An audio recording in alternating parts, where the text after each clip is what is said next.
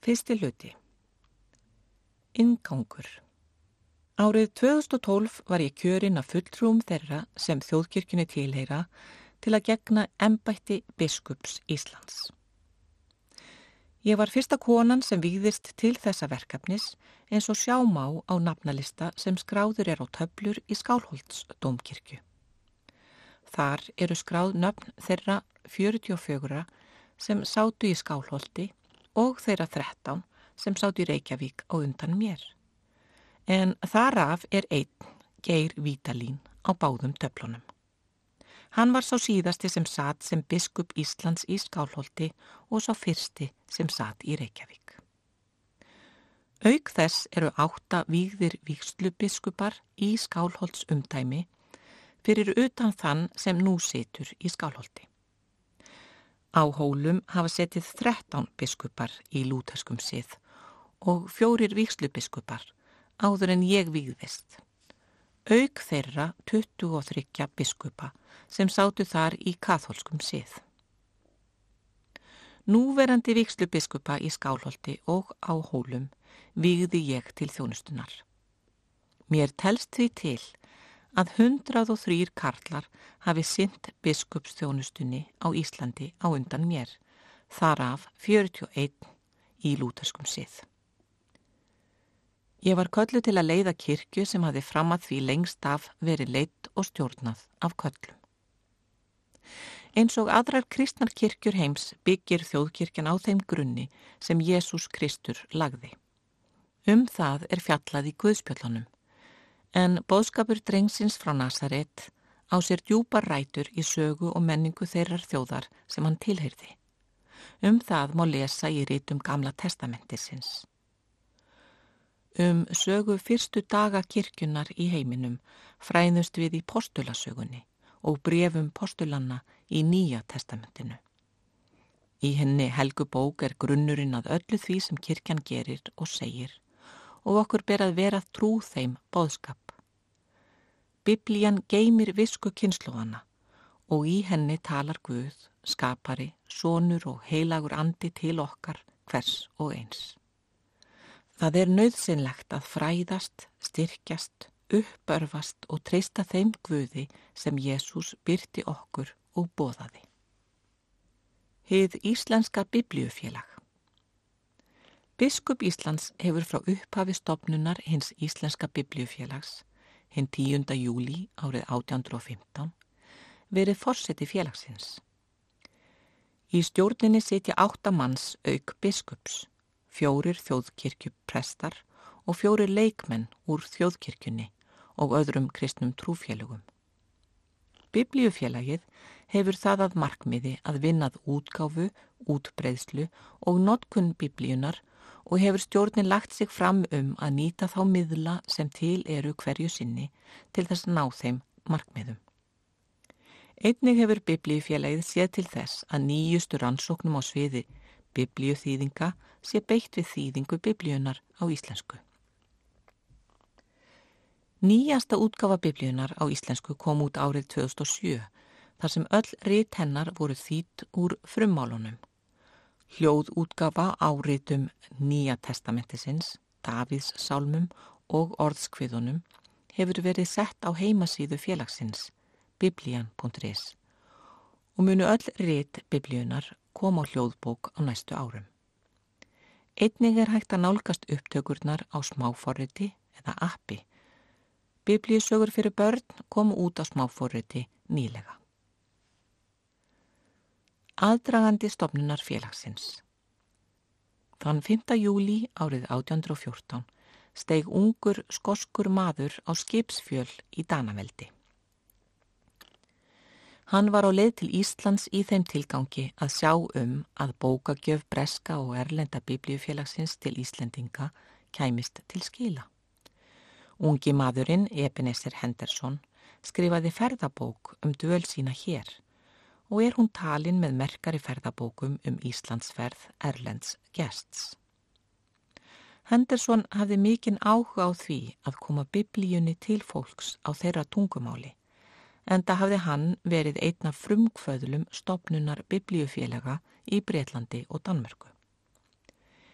Íslands heimsóknans leiti til þess að rúmu ári síðar eða þann 10. júli árið 1815 var hið Íslenska biblíufélag stopnað. Það starfar enn í dag og myndist 200 ára ammali síns með ímsum móti árið 2015.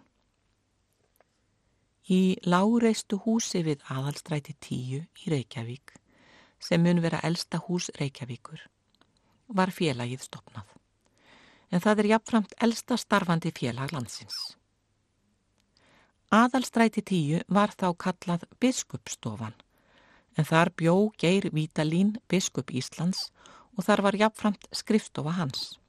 Hlutverk félagsins hefur frá upphafi verið að sjá þjóðinni fyrir hinni helgu bók á íslenskri tungu. Biblífélagið hefur líka eins og önnur biblífélag heims stutt við útkáfi biblíunar í öðrum löndum. En markmið biblíufélagana er að gera öllum kleift að eignast Guðs orð, biblíuna, á þeirra eigin tungumáli, án kenningarlegra skýringa eða tólkana og á viðræðanlegu verði eins og segir á heimasíðu biblíufélagsins biblían.is. Biblíu útgáfur og þýðingar Ímsar útgáfur eru til af biblíunni á íslensku því allt frá því Ottur Gottskálsson satt í fjósinu í Skálholti og þýtti Nýja testamentið sem gefið var út árið 1540 hefur biblían verið þýtt aftur og aftur og hafa verið hafðar til liðsjónar. Elsta heildarútgafa biblíunar á íslenska tungu er biblían sem kender við Guðbrand Þorláksson, hólabiskup, sem útkom þar árið 1584. Svo nýjasta er útgáfan árið 2007 sem var gefin út af Jóð.pvaf útgáfu eftir margra ára þýðingarvinnu. Aðrar útgáfur má nefna til dæmis Þorláksbiblíu, Steinsbiblíu og Viðeigjarbiblíu, kendar við útgefendurna og útgáfu staðinn. Biblían hefur komið út í 11 þýðingum á íslenskri tungu. Biblían er grundvallar rít kristninar og allra kristina kirkjutelta. Biblían kom ekki út á íslensku fyrir en eftir síðaskipti en það lagði Lúter mikla áherslu á að orðið og messan væru lesin og flutt á móðurumáli þeirra er áhlítu og tækju þátt. Biblían hefur haft mikil áhrif hér á landi. Bóðskapur hennar hefur mótað hugsunarhátt þjóðarinnar. Bóðskapur hennar hefur verið grundvöllur lagasetningar og frankomu við náungan. Málfar hennar hefur haft áhrif á íslenska tungu og mörg orðatiltæki eiga rætur sínar í biblíumálinu.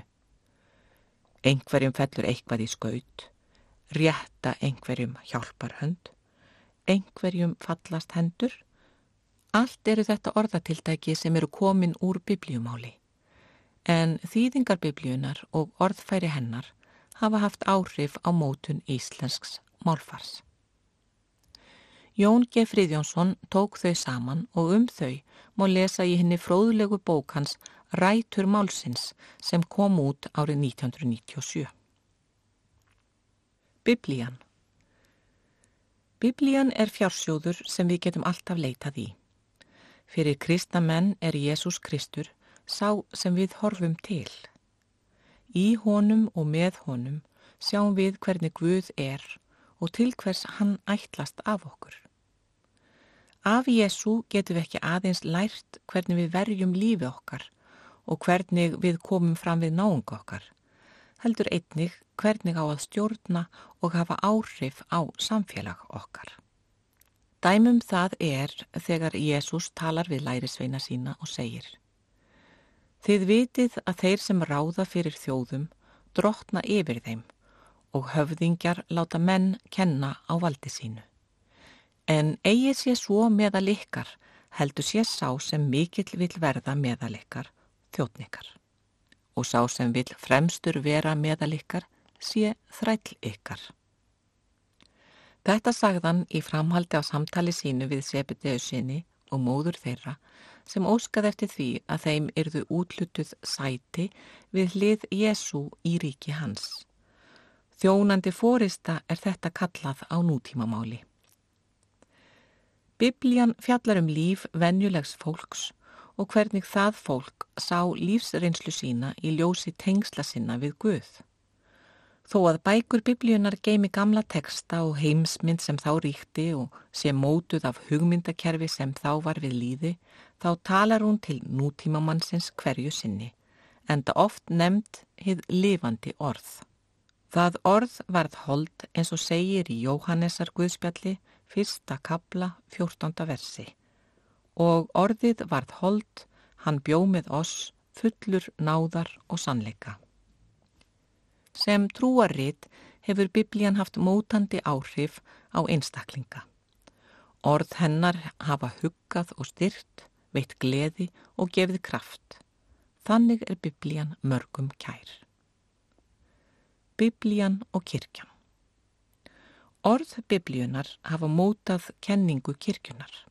Marteit Lúter sem kirkja okkar er kend við þýtti ekki aðeins biblíun á þýska tungu heldur rannsakaði hana út frá kenningu kirkjusinnar og viðhorfi samtíma síns. Rannsókn hans leiti meðal annars í ljós að hann fann sig knúin til að mótmæla aflátsölu kirkjusinnar og hengdi 95 greinar þess efnis upp á dyr Hallarkirkjunar í heimabæ sínum, Wittenberg. Þó það hafi ekki verið ætlun Lúthers að stopna nýja kirkjudeild, þá varð svo raunin eins og kunnugt er. Hvað er þá maðurinn? Biblían tekur á flestum þeim málum er varða mannin og líf hans.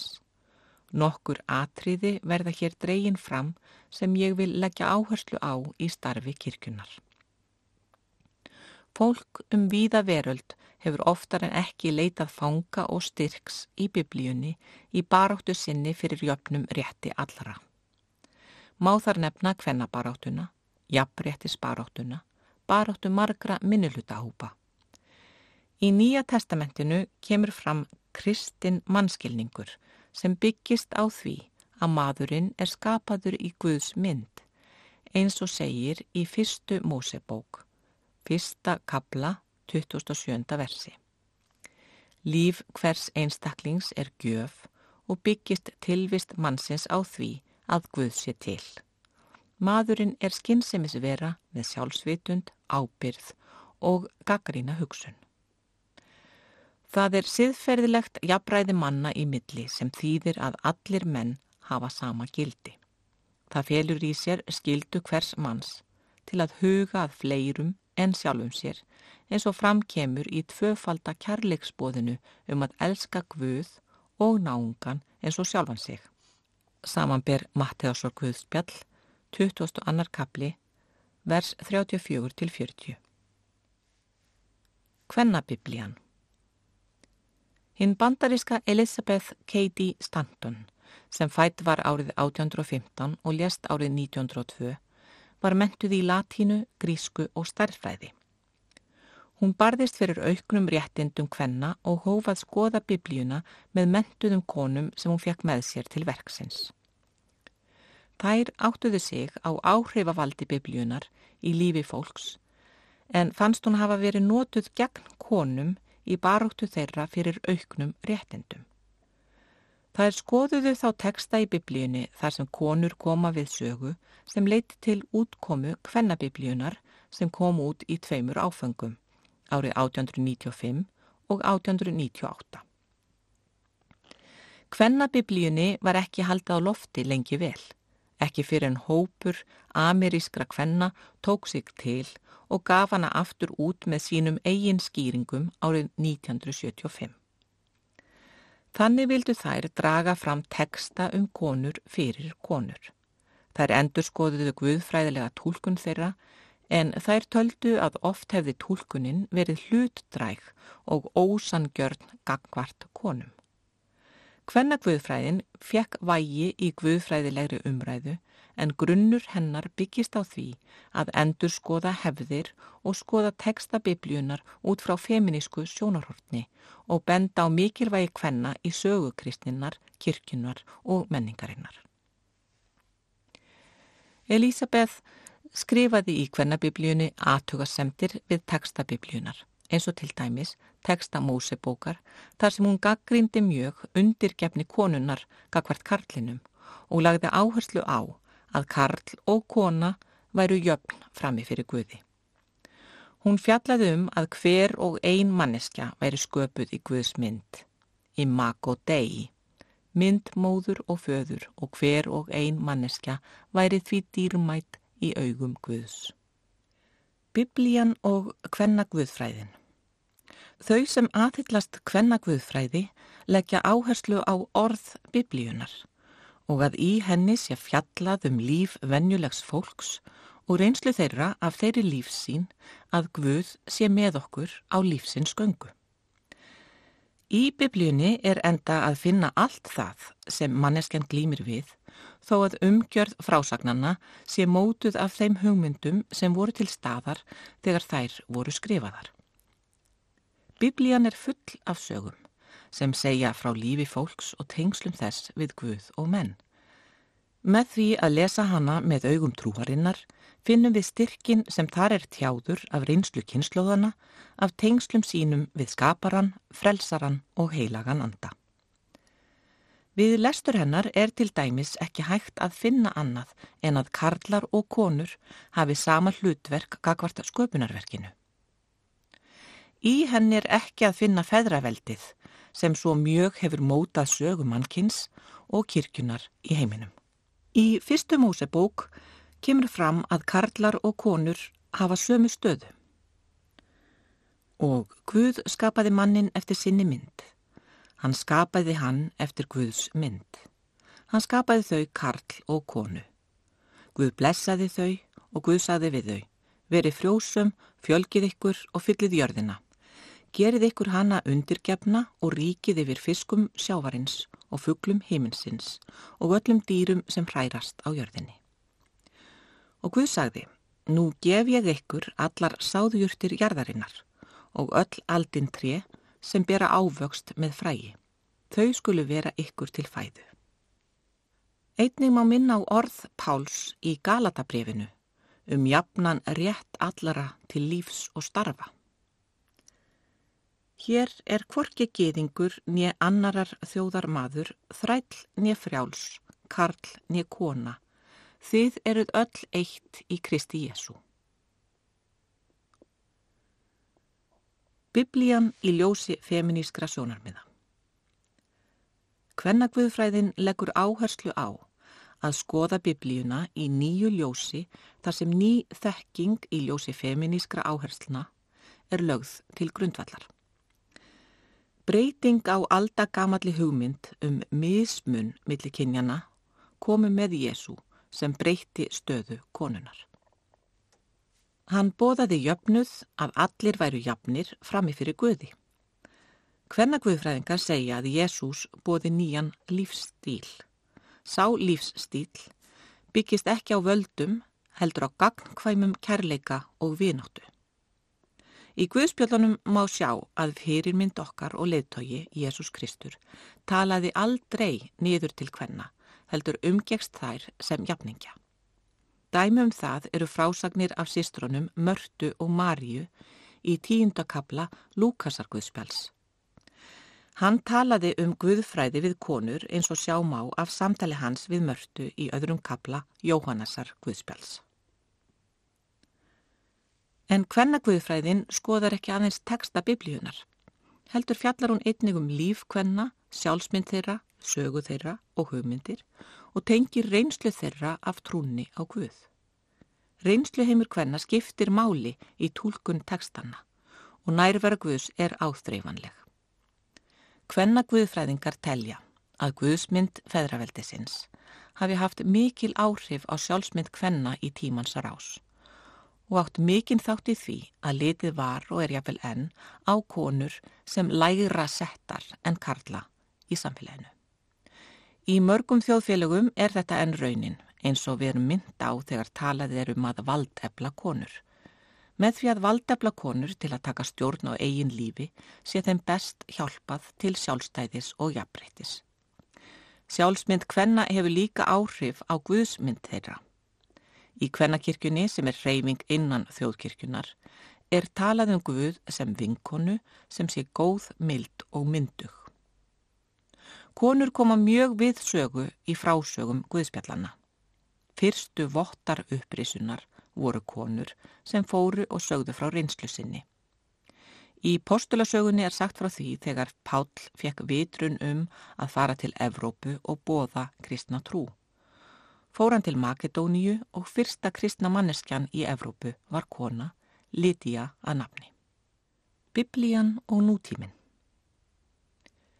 Í biblíunni er grunnur þess sem Kristinn kirkja bóðar. Þar er að finna þau viðmið sem hver kynnslóð leggur áherslu á í samtíma sínum.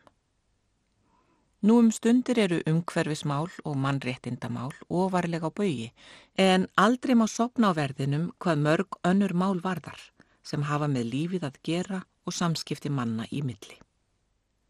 Biblían og umhverfismálin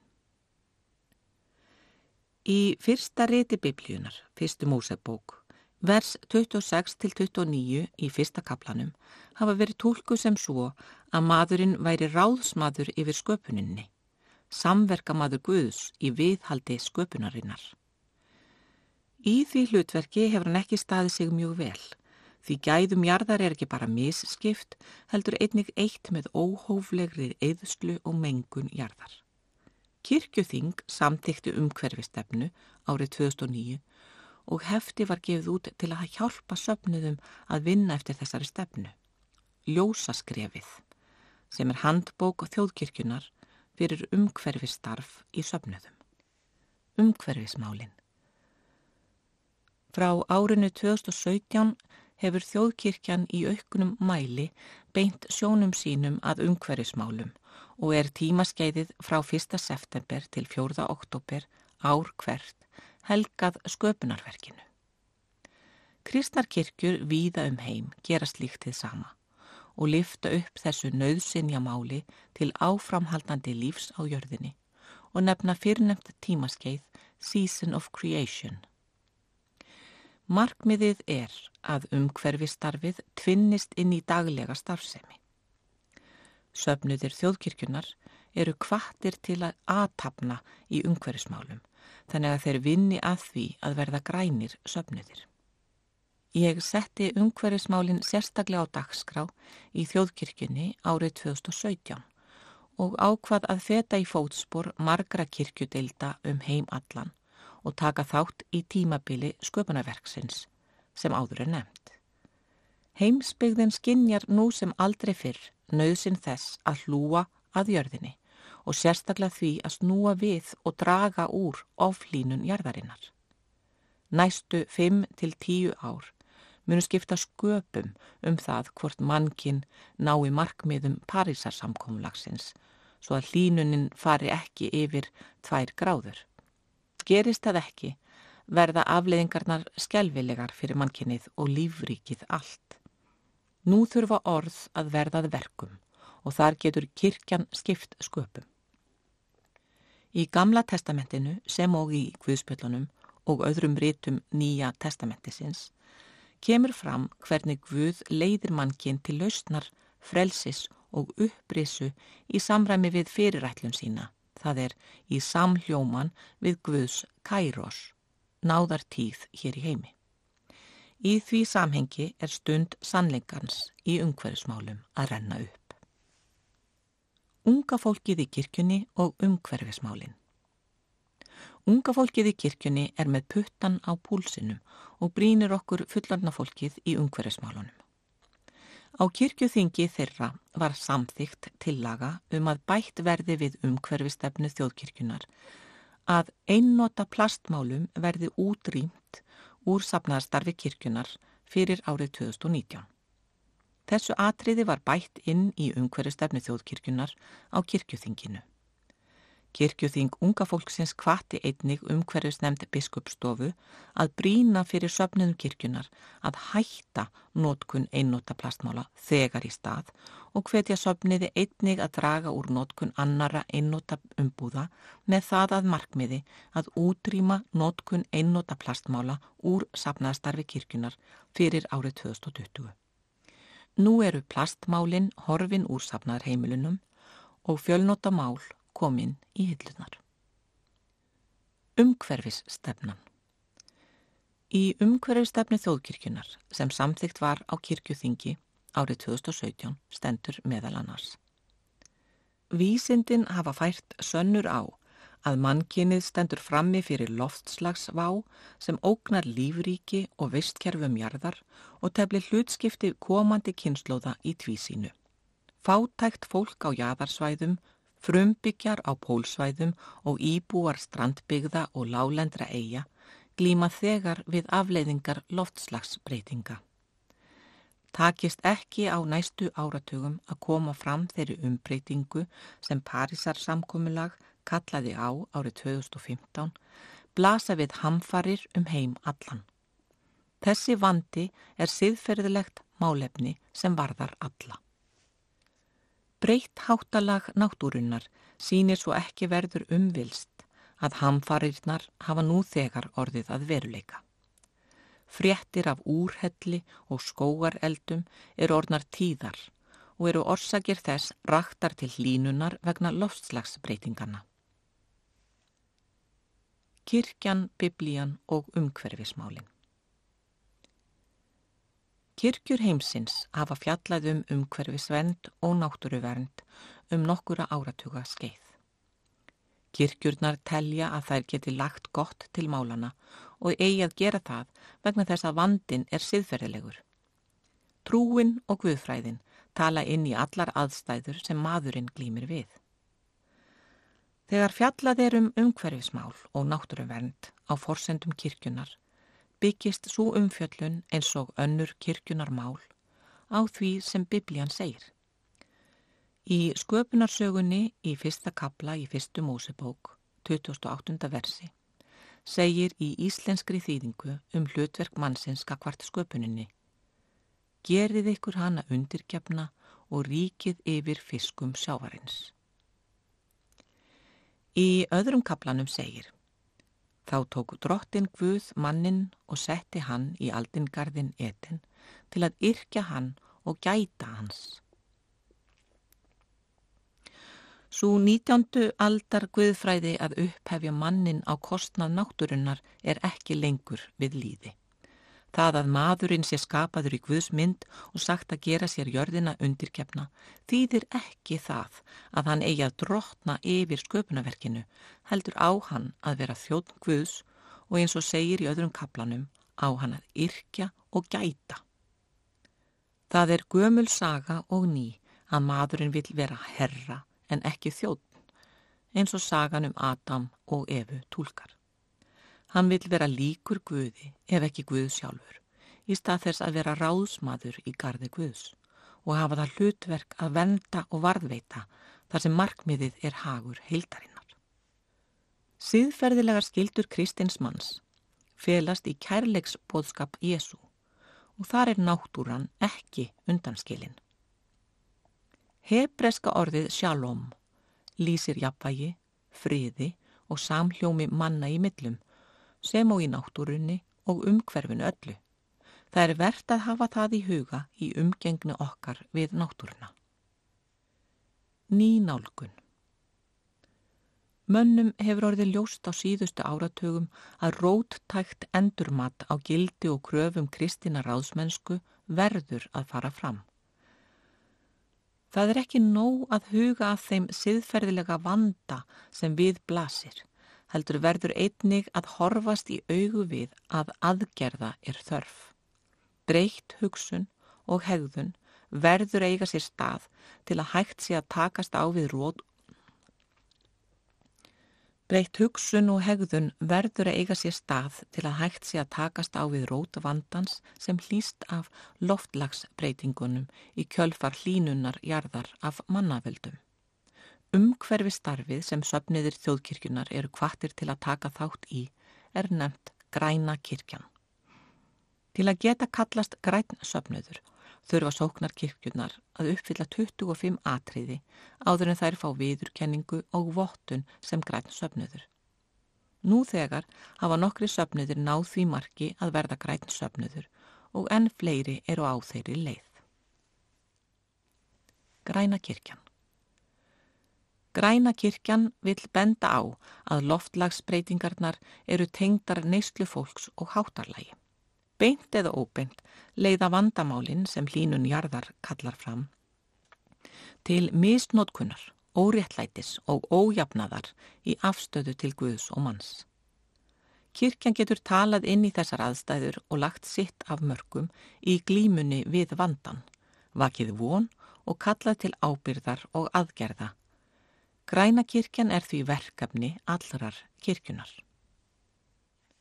Þjóðkirkjan og aðrar kirkjudeildir Kirkjuþing samþykti umhverfistefnu þjóðkirkjunar og umhverfistarf í söpnuðum árið 2009. Sú umhverfistefna sem nú gildir var samþygt árið 2017. Íslenska þjóðkirkjan er ekki eiland í kirknahafi heimsins. Hún er aðili að allkirkjuráðinu og lúterska heimssambandinu og sem slík aðili að stefnumótun þeirra er lítur að umhyggju fyrir náttúrunni. Sama ár og umhverfistefnan var samþygt á kirkjuþinginu stóð ég fyrir á samt fleirum fundi alkirkjuráðsins um réttlátan frið við jörðina. Fulltrúar alkirkjuráðsins tóku einnig þátt í ráðstöfnu Norðurslóða eða Arctic Circle Assembly um umhverfismál sem og yfirmaður kristnu réttrúnaðarkirkjunar í heiminum Bartolómeus, fyrsti patriarki sem hefur haft umhverfismál á dagskrá kirkjunar frá því hann tók við sem leiðtói hennar fyrir um 30 árum. Hann hefur verið nefndur græni pávin. Réttlátur friður við jörðina. Í yfirlýsingunni sem undrituð var á þingvöllum við lók rástefnunar um réttlátan frið við jörðina segir meðal annars í íslenskri þýðingu. Guðfræðilegar ástæður þess að kirkjan vil leggja til umræðunar um loftlagsvandan. Jörðin og allt sem á henni er tilheyrir Guði. Þessi hjáttning auðkennir abrahamísku trúarbröðin sem og menningar hefðir frumbyggja víða um heim. Heilagur Frans frá Assisi tjáur þetta í lofgjörð sinni til Guðs með þakkarorðum sem hann beinir til sístur okkar móður jarðar. En nú steinur hún Rómverja bref, 8. kapli, 2000. vers. Undan ofbeldinu sem hún er beitt, eins og veru mynd á í umburðarbrefi Frans Páfa, Laudato Si. Engvað síður líkt og vísa þeir til í yfirlýsingu alkirkjurásins um vegferð til réttláts fríðar, Statement on the Way of Just Peace, væntum við kristi menn samkvæmt fyrir heiti Guðs, nýs heimins og nýrar jarðar, þar sem réttlæti býr. Fullvisir þess að hinn þrýjæni guð fullkomni og uppfylli gerfalla sköpunina við lok tímanna og líti á réttlæti og frið sem bæði von fyrir framtíðina og gjöf á líðandi stundu. Eins og hans heilagleiki, samkirkjulegi patriarkin, Bartolómeus fyrsti, hefur ritað, á vistfandin sér andlegar rætur. Arðrán og eigðilegging sköpunarinnar eru afmyndun og brenglun á eigindum kristinnar og engan veginn óhjákvæmileg afleiðing hinnar biblíulegu skipunar um að fjölga og fylla. Með því að sörga og eigðilegja umhverfið sem hverri kynnslóðir treyst fyrir sem helgum arfi er syngað gegn Guði og náttúrunni. Sjálfbær þróun fær ekki þrifist án andlegra verðmæta og lífvænlegs umhverfis. Einning segir í yfirlýsingunni.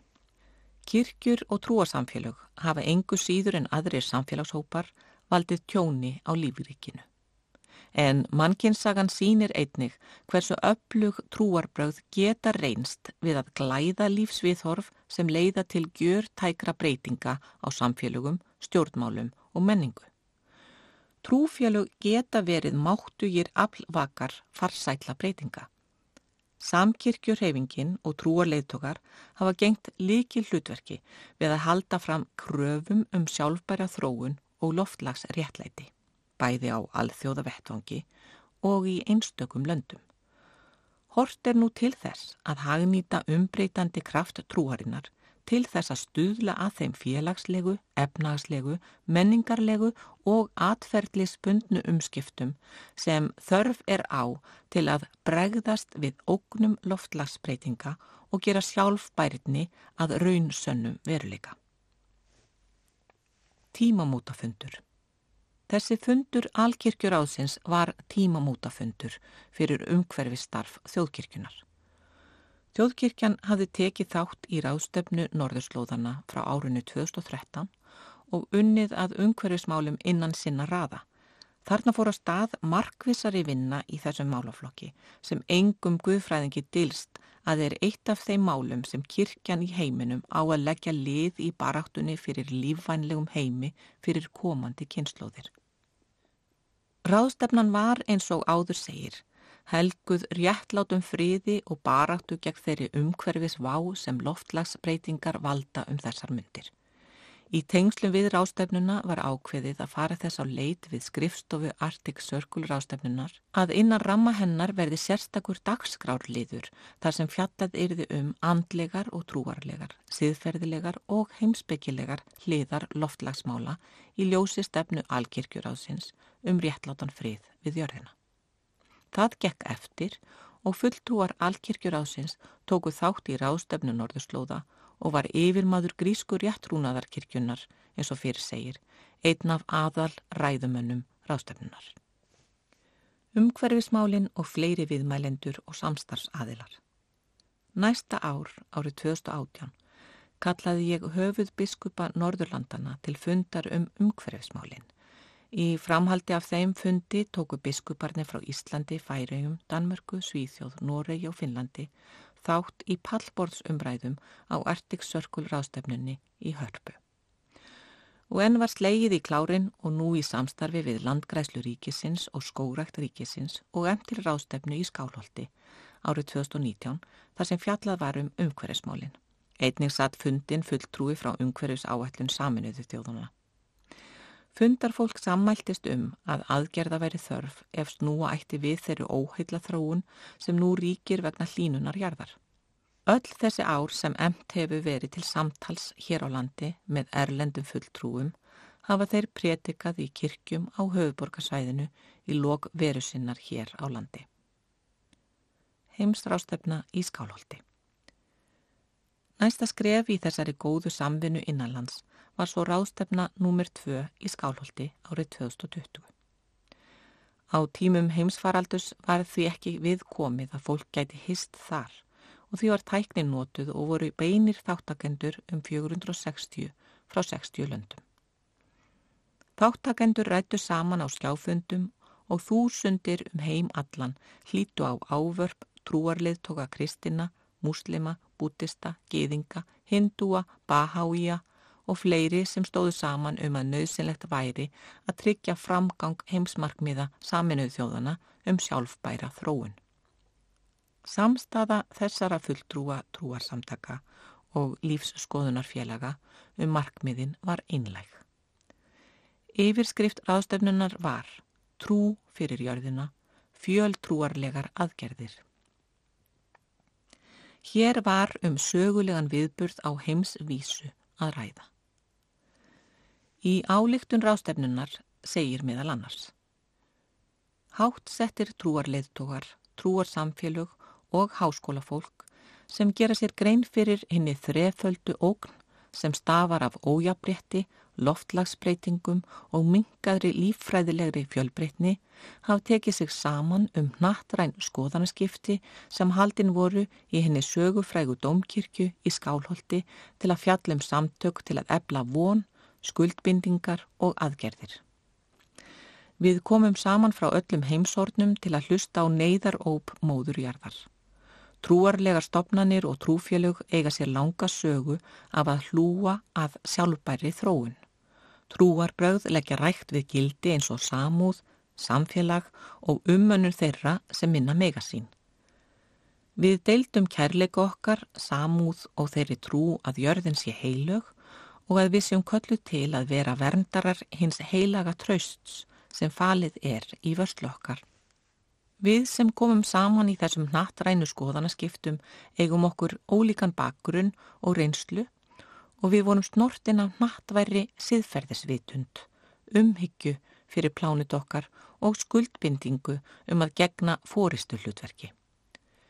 Við komum frá fundinum með þann sameinlega ásetning að sapna liði til verndar náttúrunni og sameinlugu heimili okkar og að vinna að tillögunni um Faith for Earth Coalition, samtökum trúaðra í þáu hjarðar og gera staðfestu okkar að veruleika með aðgerðum. Þetta gerum við í þeirri fullvissu að trúfjölug og samtök sem byggjast á trú geti lagt af mörgum einstakt og brínt framlag í þáu viðleikni á heimsvísu um umhverjusvend og endur reist vistkerfa sem byggir á síauknum árangri af aðgerðum margra trúfélaga í þáu jarðar. Trú og andlegt gildi eru drifkraftur í hegðun hvers og eins og valkostur einstaklingsins og móta menningarleg gildi, félagslega aðlögun og virka þáttöku í stjórnmálum. Trúar samfélög sem búa yfir víðtæku samskiptakerfi, fylgjendum, mentakerfum og andlegri viðleikni eru mikilvægir samstarfsaðilar við að ebla sjálfbæra þróun.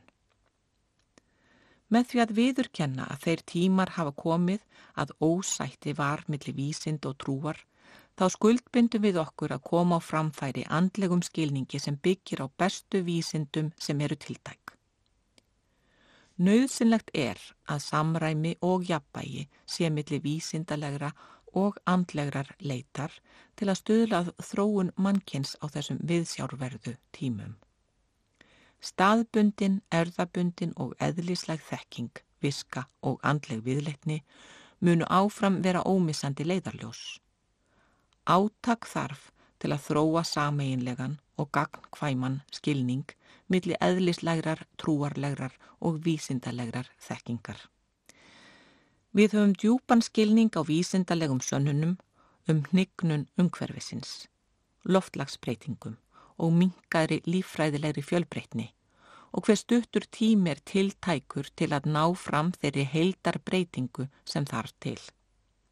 Trúarsamtök um allan heim eru í einstæðri aðstöðu til að miðla þessum vísindum og að ebla trúarsamfélug í því að taka til varna fyrir náttúruna og umhverfislegt réttlæti. Við eigum eitt sameigilegt heimili. Heildræn vandamál sem mannkynnið stendur frammi fyrir eru tengd saman á órjúvanlegan hátt og þau búa yfir umtalsverðri andlegri breytt. Ef við kunnum að meta hitt andlega eðli tilvistar okkar, fáum við dýpri skilning á tengslunum bæði við heim náttúrunnar sem mannkinnið er lífræðilegur hluti af og við hinn sameilega heim mannanna. Mennirnir bera ábyrð á því að venda lífræn stóðkerfi til að tryggja sjálfbæra mannlega menningu sem er undirstaða bæði félagslegs og hagræns varnarfjármaks. Þeir öfgar nútímans millir auðæfa og örbyrðar þurfað víkja fyrir jafnrétti og réttlæti. Réttlæti í öllum sínum myndum er megin forsenda fyrir varanlegri einingu. Beina þarf fjárfestingum frá atvinnustarfsemi sem eigðir verðmætum og til hagþróunar sem byggir á grænum, sameilegum, réttlátum og enduníjandi gildum. Biblían og mannréttindin Þjóðkirkjan hefur beitt sér í mannréttindamálum. Biskupstofa og hjálparstarfkirkjunar hafa átt aðild að mannréttindaskrifstofu Íslands frá stofnun hennar 17. júni árið 1994. Mannréttindaskrifstofan vinnur að framgangi mannréttinda eins og nafnið gefur til kynna. Samkvæmt orðum sköpunasögunar í fyrstu músebók er manneskjan sköpuð í Guðs mynd. Ekki er gerður greinarmunur á fólki eftir lífsafstöðu, kynþætti eða nokkru öðru. Allt fólk er skapað í Guðs mynd sem þýðir að við erum öll mikilsvirði og berum mannlega reist sama hvar við fæðumst og hvort sem stjórnvöld fæðingarlandsins viður kenna mannréttindi eða ekki. Mannréttinda yfirlýsingin Mannréttinda yfirlýsing saminuðu þjóðana sem samþygt var á allsherja þingi saminuðu þjóðana hinn 10. desember 1948 er byggð á þessu grundvallar stefi biblíunar. Þeim ríkjum sem aðild eiga að það saminuðu þjóðunum ber að virða yfirlýsinguna og fara eftir henni. En það segir í ingangsorðum hennar. Þar sem trú á grundvallar mannréttindi, göfgi og gildi mannsins og jafnrétti kvenna og karla hefur verið staðfest í stopnskrá saminuðu þjóðanna og þar sem samtökin hafa einsett sér að stuðla að félagslegum framförum og betri lífskjörum við aukið frelsi, þar sem aðildaríki saminuðu þjóðana hafa heitið því að ebla sjálf og í samvinnu við samtökin almenna virðingu fyrir mannréttindum og grundvallar frelsi í orði og verki, Þar sem sameilegur skilningur á réttundum þessum og frelsi er forsenda þess að slík fyrirheit verðað veruleika, kunngjörir allserjarþing saminuðu þjóðana mannréttinda við yfirlýsingu þessa sem sameilegt markmið allra þjóða og ríkja með það fyrir augum að sér hver einstaklingur og allar stopnanir samfélagsins hafi yfirlýsinguna ávalt í huga og kappkosti með fræðslu og mentun, að stuðla að virðingu fyrir réttindum þessum og frelsi með framsæknum aðgerðum, heima fyrir og á alþjóða vettvangi, svo að tryggja megi um heim allan að ákvæði yfirlýsingarinnar séu viðurkend og þeim sé framfyllt í raun, bæði meðal þjóða aðildaríkjana sjálfra og þjóða á yfiráðasvæðum þeirra. Fólk á flóta Stærstu viðfangsefni mannkins nú um stundir eru málefni flótamanna og hlínun jarðar. Miljónir manna er á flóta frá heimalandi sínu vegna ófríðar að ímsu tægi.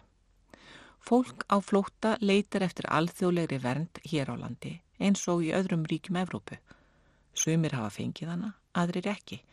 Það þarf ekki að koma óvart að fjalla þeir um flótafólk og hælisleitendur í biblíunni því vandamálið er ekki nýtt af nálinni. Í þriðju Mósebók segir til dæmis Þegar landi þinn lendir í krökkum og kemst ekki af í samfélaginu, skaltu veitunum hjálp eins og aðkomumanni eða gesti svo hann haldi lífi ykkar á meðal. Í fymtu Mósebók segir Þú skalt gleðjast á hátíð þinni þú og sinir þínir og dætur, þrælar þínir og ambáttir á samt levítunum, aðkomumönnunum, munuðarleysingjónum og ekkjum sem búa í borgþinni. Við erum líka mynd á gestrisnina, til dæmis hjá Pétri Postula sem segir í fyrra brefi sínu, verið gestrisin hvert við annað án þess að mögla. Og í hebrea brefinu erum við mynd á að gleima ekki gestrisninni gleymið ekki gestrisninni því að vegna hennar hafa sumir hýst engla án þess að vita.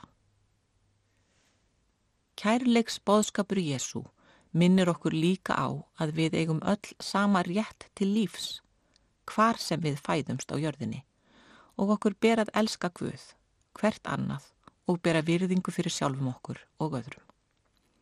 Í þeim anda höfum við tekið á móti fólki sem flúið hefur Úgrænu vegna stríðs ástandsins og er það vel. Þjóðkirkjan hefur lagt fram krafta sína til að búa þeim greiðastað og bjóða þau velkomin. Það hefur bæði verið í einstaka sóknum og söfnuðum sem og hjá alþjóðlega söfnuðinum í Breitholtskirkju í Reykjavík. Kirkjan og mannúðin Það er hlutverk kirkjunar að hlúa að samfélags- og mannúðarmálum og vera rött kærleika, virðingar og umburðarlindis. Kirkjan beitir sér og á að beita sér í þáu þeirra sem standa höllum þætti. Á kirkjuþingi 2019 bárum við biskupar kirkjunar upp þingsáliktun um mótun stefnu þjóðkirkjunar í málefnum fólks á flotta hælisleitenda og innflytjenda. Samþygt var að skipa þryggja manna starfshóp til að móta stefnuna. Í greinargerð með tillögunni segir Prestur innflytjenda hóf störf hjá þjóðkirkjunni í november árið 1996. Síðustu ár hefur starf hans aukist í takt við fjölgun hælisleitenda til Íslands. En nú er svo komið að hann þjónar hælisleitendum í þremur kirkjum Hátegskirkju, Breitholtskirkju og Keflavíkurkirkju. Frá haustdögum 2018 hefur hann haft skrifstofu aðstöðu í Breitholtskirkju og alþjóðlegur söpnuður er að myndast með reglulegu helgihaldi og auknu sapnaðarstarfi, sem sagt skýrnarfræðslu og sapnaðarkvöldum. Árið 2015 fór prestur einflitenda af stað með reglulegt helgihald og móttöku hælisleitenda í fjórum kirkjum undir nafninu Seekers. Fjórir prestar á höfuborgarsvæðinu vinna nú náið með presti einflitenda. Frá 2015 hefur prestur einflitenda skýrt um 60 flótamenn. Af þeim voru 19 sendir utan en 28 fengu hæli á Íslandi. Þessir 28 á samt tögum annara kristina flótamanna eru kjarni þess sapnaðar sem er að vaksa í Breitholtskirkju. Nemnd á vegum þjóðkirkjunar fór utan og kynnti sér málefni fólks að flóta hjá Alkirkjuráðinu og Lúterska heimssambandinu. Þá voru myndu tengsl við CCME eða The Church's Commission for Migrants in Europe sem eru samtök kirkna í Evrópu sem sinna málefnum innflytjenda og fólks á flóta. Mikilvægt er að starfsópurinn svari þeirri spurningu hvernig best sé að kirkjan takja móti hælisleitendum og flótafólki og hvernig kirkjan vil búa að þeim sem koma til landsins, ásamt þeim sem snúist hafa til kristinar trúar og látið skýrast. Einnig kanni hópurinn hvernig megi skipulegja starf stuðningsaðila og stuðningsfjölskyldna sem aðstóða flótafólk á samt annari aðstóð. Starfshópurinn skilaði tillögum sínum og á kirkjuþingi 2021 til 2022 var samþygt þingsáleiktun um stefnu þjóðkirkjunar í málafloknum sem byggð er á vinnu starfshópsins. Nauðung og kærleikur Grein eftir mig byrtist í morgumblaðinu í júni 2016 undir þessari fyrirsögn, nauðung og kærleikur. Nýverið sótti ég heimsráðstöfnu saminuðu biblíufélagana í bandaríkjónum. Í leiðinni fór ég á sapn sem er búkarður þar sem þrælar byggu fyrir um 200 árum. Þar var stórt hús sem fjölskyldan bjó í og svo minni hús þar sem þrælarnir afrísku byggu. Áhugavert var að koma á slíkan búkarð og heyra söguna, ganga um og sjá í huganum fólkið sem þar bjó og starfaði. Hugsa til þess að fólk hafi verið nömið brott frá heimilum sínum, flutt nauðugt til annarar heimsálfu og þvingað til að vinna erfiðisvinnu, til að ebla hag og ríkidæmi eiganda sinna. Þetta er hluti af sögum mannkins eitthvað sem við lítum á sem fortíðarmál en ekki málefni nútímans. Þegar ég kom heim, lág bladabunki við útidyrtnar. Á forsýðu einsblaðsins blöstu við fyrirsagnirnar, átti mig eins og þræl og flúði vinnumannsal en framseldur tilbaka. Þegar þessu bladi og öðrum var flett mótti sjá fleiri fréttir af fólki sem hafði verið sendt úr landi, ekki til heimalandsins heldur til þess lands sem það kom frá hingað til lands. Fólki sem hafði dvalist hér á landi svo að mánuðum skipti jafnvel árum. Einn þeirra sem sendur var nauðugur úr landi ákallaði Jésúm er hann var snúin niður í leifstöð. Slíkar fréttir vekja spurningar. Viljum við tilheyra samfélagi sem sínir ekki elsku í verki, sem auðsýnir ekki mannúð, sem fer ekki eftir þeim kristna bóðskap að elska náungan eins og okkur sjálf. Okkur varðar nefnilega um náunga okkar. Þjóðkirkjan hefur í sinni þjónustu prest innflytjenda. Hann hefur undanfarin ár unnið mikið með hælisleitendum. Margir þeirra eru ekki kristinar trúar. Kirkjan sinnir þeim að sjálfsögðu líka því að hún hefur orð Jésu um elsku til Guðs náungans og okkar sjálfra að leiðaljósi. Hún er byggjandi, bóðandi og þjónandi. Þjóðkirkjuprestur innflytjanda og fleiri prestar á höfuborgarsvæðinu hafa staðið fyrir reglulegum helgistundum á ensku. Sífælt fjölgar í þeim hópi sem þær sækja og þykja þjónustu kirkjunar fræðslu og umhyggju. Hælisleitendur gefa líka því þeir taka þátt og hjálpa til við ímisverk sem sinna þarf. Sumir þeirra hafa verið sendir úr landi en fólk sem tekur kristna trú er víða óvelkomið aftur til heimalandsins. Talið er að 11 kristir einstaklingar séu teknar af lífi á hverri klukkustund í heiminum vegna trúar sinnar. Það er skilda Íslendinga að sína þann kærleik og þá gestrisni sem Kristinn trú bóðar. Í fyrirlestri sem fluttur var á áður nefndri ráðstöfnu kom fram að frá upphafi kristni hafa um 75 miljónir kristina verið drefnar vegna trúar sinnar, þaraf um 45 miljónir á síðustöld. Það er ekki bara í löndum þar sem kristnir eru í minniluta sem fólk lætur lífið vegna trúar sinnar. Ég hvet þau sem um mál hælisleitenda fjalla að líta til kristina meðbræður okkar og sistra sem hér leita hælis og veita þeim öruga búsettu hér á landi. Stöndum með meðbræðrum okkar og sistrum hverrar trúar eða lífsskoðunar sem þau eru og látum það ekki um okkur spyrjast að við sendum fólk út í opin döiðan. Þurfi lagabreitingu til þá er það alþingis að vinna það verk. Þurfi breytingu á verklagsreglum þarf að huga að því í innanríkisráðunitinu. Biblían og jafnréttið Kirkjuþing hefur samþygt margar stefnur þjóðkirkjunar í ýmsum málum. Einn þeirra er jafnréttistefnan sem er uppfærð á samt aðgerðar áætlun á fjögura ára fresti. Jafnréttistefnan byggist á kristnum mannskilningi. Markmið stefnunar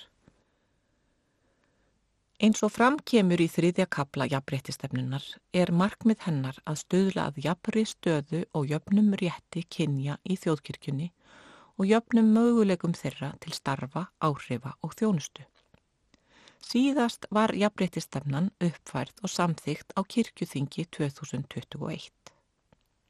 Tölfræðin Þetta eru háleit markmið sem hafa byrji huga í öllum ákverðunum og öllum aðtöfnum kirkjunar.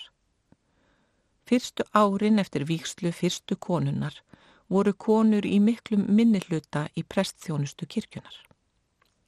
Tíu árum síðar í september árið 1984 voru þær aðeins sex sem tekjuð hafðu víkslu. Upp frá því fór þeim fjölgandi. Eftir 20 ár voru þær 26, eftir 30 ár 59, eftir 40 ár 80. Nú þegar þetta er ritað hafa 107 konur lotið prestvíkslu í þjóðkirkjunni og fjórar að auki þegið víkslu erlendis.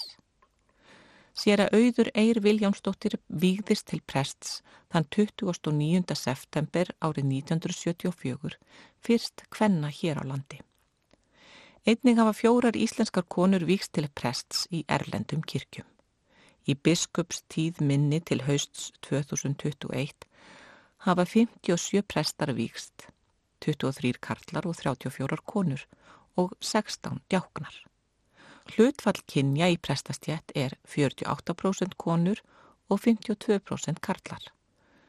Frá árinu 2009 hefur verið í jafnbrettisstefnunni ákvæði um að hlutfall kynja í stjórnum, nefndum og ráðum á vegum þjóðkirkjunar sé að minnstakosti 40% konur og að minnstakosti 40% karlar.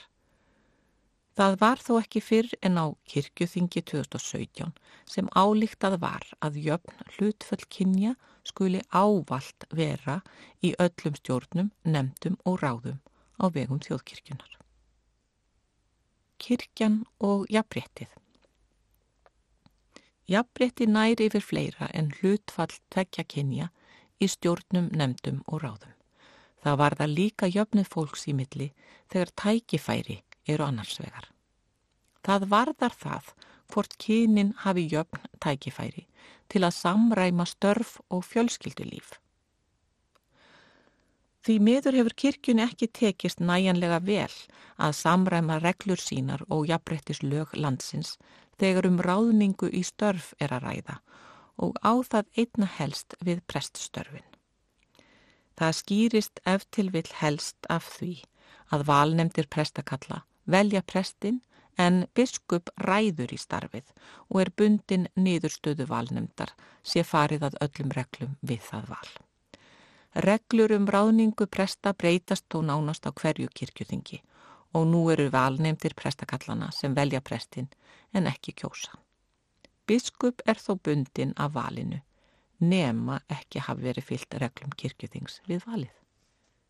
Kirkjan og kynferðsbrot Árið 1998 voru lögð fram á kirkjuþingi drög að starfsreglum um meðferð kynferðisbrota innan Íslensku þjóðkirkjunar. Kirkjuráð lagði draugin fram en ný kjörinn biskup Karl Sigurbjörnsson var fórsetir ásins. Með málinu fylgdi ítarleg greinarkerð sem samin var af nefnd sem kirkjuráð skipaði. Í henni var doktor í guðfræði, lögfræðingur og sálfræðingur. Draugin voru svo samþygt með smá breytingum og urðu af starfsreglum. Starfsreglurnar gildu til ársins 2019 en breytingar voru gerðar á þeim í nokkur skipti í millitíðinni. Til dæmis var grein um viðbröð við meintu kynferðisbroti kakvart barni bætt við árið 2009 og árið 2010 var skert á viðbröðum vegna brotskepp barni. Frá árinu 1998 til ársins 2019 tók fagráð við tilkynningum um brot og vann málinn út frá þeim reglum sem starfsreglurnar kváðu á um. Í stað þessara starfsregluna eru nú í gildi starfsreglur um aðgerðir gegn einelti, kynferðislegri áreitni, kynbundinni áreitni, ofbeldi og um meðferð kynferðisbrota innan þjóðkirkjunar. Með þessum reglum var fagráðið lagt af og teimi um meðferð vegna ofangreindra brota skipað í staðin. Í því eiga sæti þrýr fulltrúar sem ekki eru starfsfólk þjóðkirkjunar lögfræðingur, geðlæknir og félagsráðgjafi sem öll eru sérfróð um þau mál sem falla undir teimið og starfsreglunar. Við störf sín skal teimið hafa til liðsjónar stefnu þjóðkirkjunar þar sem tekin er skýr afstafa gegn einelti, kinnferðislegri áreitni, kinnbundinni áreitni og öðru ofbeldi svo og um meðferð kinnferðisbrota innan kirkjunar.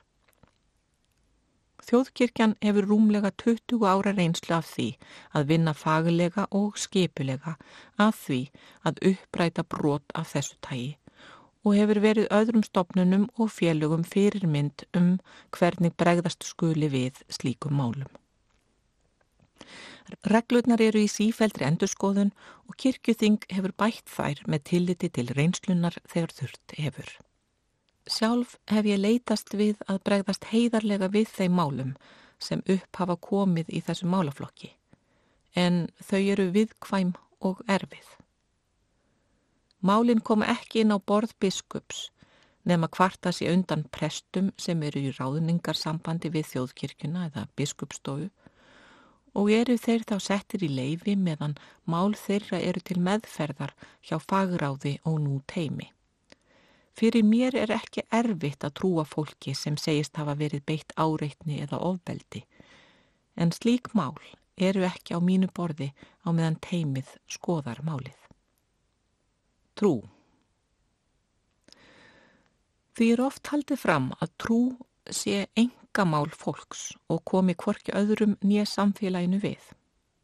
Allra síst eigi ríkið að skipta sér af trú fólks eða setja lagalega umgjörð um tilvist og starf trú og lífsskoðunarfélaga. Því er ég ósamála. Trú er að sönnu engamál en trú er einnig personulegt mál. Við tökum oft til orða þannig, prívat og personulega. Það er munur á því sem er prívat og því sem er personulegt. Það sem er prívat eða engamál er það sem við deilum ekki með öðrum.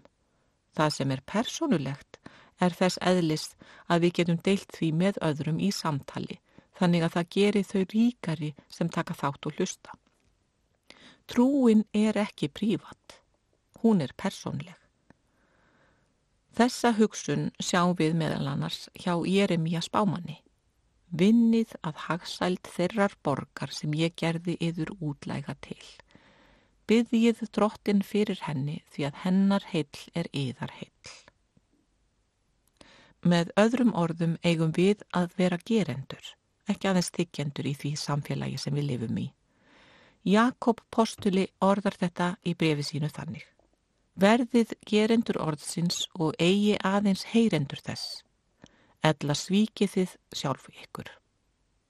Og einnig, eins og líka minn er dauður án anda, eins er og trúin dauð án verka. Kirkjan. Hvað er kirkja? Það eru margar skilgreiningar á kirkju eins og við vitum. Gríska orðið eklesia er þýtt sem kirkja á íslensku en eklesiasma sem er á sama stopni er söpnuður. Kirkja og söpnuður eru því nátengt hugtök og í postulasögunni og í brefum Páls til dæmis Efesus brefinu kemur glögt fram að kirkjan er fólkið sem kemur saman í Jésu nafni. Leðtogi kirkjunar er einn Jésús sjálfur sem Pál segir um í Efesusbrefinu. Allt hefur hann lagt undir fæturónum og gefið hann kirkjunni sem höfuðið yfir öllu. En kirkjan er líka með hans og fyllist af honum sem sjálfur fyllir allt í öllu. Við sem leiðum kirkjur heims erum kölluð til að feta í spórinans, þjóna í hans nafni og byggja um leiðsögn hans í þeirri þjónustu. Jésús er leiðtogi lífs kristins fólks um víða veröld. Kirkjuskilningur Lúthers Eins og kunnugt er setti Lúther fram kenningar sem hafa haft mótandi áhrif á kirkjuna sem við hann er kend. Í bóksinni Ríki og kirkja segir dr. Sigurjón Árni Eyjólfsson að það sem einkenni kirkjuskilning Lúthers öðru fremur sé eftirfarandi. Kirkjan er fyrst og fremst kirkja orðsins og náðar meðalanna og hins almenna preststóms. Hún er sínileg hér í heimi vegna þess að orðið er bóðað og náðar meðul veitt. Til þess að svo megi verða þarf hún skipilegt helgihald, hún þarf á embættismönnum að halda og stopnun sem tryggir starfskilirðin. Hinn ósýnilega kirkja er aftur á móti samsett úr þeim sem meðtaka orð og náðarmeðul í trú sér til hjálpræðis. Hinn almenni preststómur er ótvíræður vegna skýrnarinnar og krefst þess að almennir sapnaðar meðlimir séu virkir í helgihaldi og stjórnun kirkjunar. Kirkjan er því eklesia og eklesiasma. Hinn almenni preststómur gengur út á það að engin munur sé á fólki, við séum öll jöfn. Skýrnin sé hinn eina víksla. Sá sem stýgur upp úr skýrnarvatninu getur rósa sér af því að vera nú þegar prestur, biskup og páfi, sagði Lúter. Allir skýrðir eigað virða megin þætti almenns preststóms sem eru bóðun, fyrirgefning og fyrirbæn. Hlutverk og erindi kirkjunar Kirkjur heims hafa það hlutverk að koma fagnar erindi Jésu Krists áfram til samferðafólks og tryggja að það berist áfram til næstu kynnslóða. Erindi kirkjunar er sem sé að segja frá Jésu, læra af honum, líka eftir honum, byggja til hans, lifa í trú á hann. Spurningar þá hvernig við komum því erindi til skila og hvar það erindi eigi helst við. Á heimsþingi Alkirkjur ásins árið 2013 talaði biskup frá Sri Lanka. Hann talaði um Guðfræði fórnarlampsins og dró fram í dagsljósið reynslu hinn að þjáðu og lagði áherslu á að hlustað væri á reynslu þeirra sem eru á jæðrinum.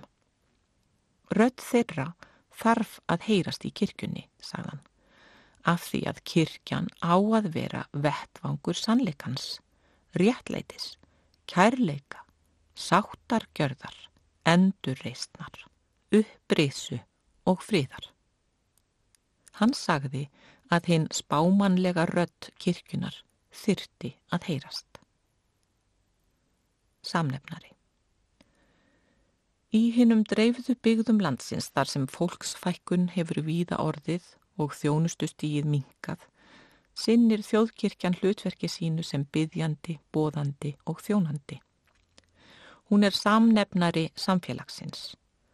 Jafnvel einnig í augum þeirra sem ekki tilheyra henni. Hún stendur með fólki í gleði og sorg og er öllum opinn. Ekki hvað síst kemur það í ljós ef eitthvað bjátar á samstafa kirkna. Síðustu áratugina, engum frá lokum síðar í heimstyrjaldar, hafa menn átta sig á því að samstafa er nöðsynleg til að ebla mannlíf og bæta lífsskilirði. Íslenska þjóðkirkjan á sæti í Alkirkjuráðinu sem er samtök margra kirkjudelda og einnig í lúterska heimssambandinu. Þjóðkirkjan er í sambandi evrópskra kirkna og er þáttakandi í samstarfi lúterskra kirkna á Norðurlöndunum, í Eistrasaltslöndunum og víðar, svo og anglíkonsku kirkjunar sem kent er við Porvú. Allar þessar kirkjur og samtök láta sig heimsmálin varða og bóða kærleika Krists í orði og verki. Íslenska þjóðkirkjan er því ekki eiland. Hún byggir á guðfræði sem á uppruna sinn í helgri bók og kenningum sem Martin Luther mótaði. Þess vegna verður að líta til þess grundvallar þegar fjallað er um kirkjuleg mál. Kirkjan er ekki fyrirtæki og ekki vennjuleg stopnun. Hún er fjöldarheyfing. Hún er trúfélag. Rött kirkjunar Þjóðkirkjan er kirkja fólksins. Fólkið sjálft sem tilheyrir þjóðkirkjunni er kirkjan. Eða eins og Pétur Postuli orðar það í brefi sínu. Látið sjálf uppbyggjast sem lifandi steinar í andlegt hús til heilags prestóms. Sem kirkja fólksins nýtur hún trausts í nær samfélaginu. Það er líka sóst eftir áliti kirkjunar um mikilvæg mál sem til umræðu eru í þjóðfélaginu. Ég tel að rött kirkjunar og guðfræðinar þurfi að heyrast þegar fjallað er um mál sem brenna á samtímanum. Rött kirkjunar heyrist ekki aðeins innan fjögur að vekja kirkjuhúsanna heldur í þjóðfélaginu. Enda á hún að vera boðberi kærleikans og fríðarins. Hún á að vinna að réttlæti og fríði. Kirkjan á að standa með þeim sem minna mega sín. En hver er rött kirkjunar? Samkvæmt kirkjuskipan okkar lútersku kirkju er röttin margróma. Í kirkju okkar er ekki einn talsmaður, heldur margir. Í okkar kirkju eru leiðtogar í hverjum söfniði, hverri sókn. Leiðtogi okkar allra er þó hinn sami, Jésús Kristur. Hann er sá sem leiður okkur um lífsins veg og færir okkur svör við öllum spurningum. Kirkjan er þannig eins og margarata kór með samhljóm sem stjórnað er af leiðtókanum eina og sanna. Nú á tímum geta allir látið í sér heyra á ofinberum vettvangi hvenar sem er. Það er ekki einfalt að skilja á milli personu sinnar og þjónustu sinnar eða starfs í skrifum sínum. Kirkjunar þjóttn er að mínu mati ekki fullkomlega frjáls af því að setja fram skoðun sína á hvaðamáta sem er. Orðfæri verður að vera þannig að ekki sé verið að nýða náungan, ljúa upp á hann eða særa. Viðmiðin höfum við í guldnu reglunni, Mattias og Guðspjalli, sjöndakabla, tólta versi og tvöfalda kærleiksbóðorðinu, Mattiasar Guðspjalli, 20. öðrum kabla, versi 37-39. Á þessu tvennu eru síðarreglur allra sem starfa í þjóðkirkjunni byggðar. Leiðsagnar njótu við með lestri Guðs orðs og þegar við byggjum. Bænasvörin byrtast okkur í atvikum lífsins og í og með samtali og samstarfi við annað fólk. Það er afslappandi að treysta því að Guð muni vel fyrir sjá og leiða í gegnum verkefni og í aðstæðum lífsins. Trúin og trausti til Guðs er forsenda þess að reyna bænasvörin og finna að það sem á stundum virðist vera tilviljun var handleiðsla Guðs. Einu sinni átti ég að vera á tveimur stöðum á sama tíma. Ég bað fyrir því að það listist einhvern veginn. Heimsæki mig þá kona sem saðist geta farið fyrir mig á annan staðin og þar með var málið list. Ég trúi því að það hafi verið bænasvarið. Sókn og söpniður Víðir þjónar kirkjunar, prestar og djáknar eru sérstaklega frátekinn til þess að miðla bóðskapnum en í raun er það alls kristins fólks að gera það. Flestir prestarlandsins þjóna söpnuðum sem til sókna teljast en sóknin er grunn eining þjóðkirkjunar og þar fer starf kirkjunar að mestuleiti fram. Nokkrir prestar og djáknar eru í sér þjónustu þar sem söpnuðurinn er dreifður víða. Þjóðkirkjan starfar um land allt um leið hún veitir fólki þjónustu sem býr við sérstakar aðstæður. Prests þjónusta fer ekki hátt en hún er mikilvæg og nöðsynleg. Prestar innflytjenda þjóna til dæmis fólki sem leitar hér alþjóðlegrar verndar og gegna þar mikilvægu hlutverki. Sér þjónustu prestar þjóðkirkunar, þjóna einnig fölluðum, heyrnarlausum, föngum og sjúkum. Prestar þjóna annarsvegar landfræðilegum söpnuðum í sóknum landsins og hinsvegar félagslegum söpnuðum sem við nefnum sér þjónustu í kirkju okkar. Vegferðin Þegar saga Kristinar kirkju er skoðuð sést að staða hennar hefur verið með ímsu móti hér í heimi. Nokkrir atburðir og mannana verk af að móta hana, sveikt hana af leið, siðbætt hana og breytt stöðanar.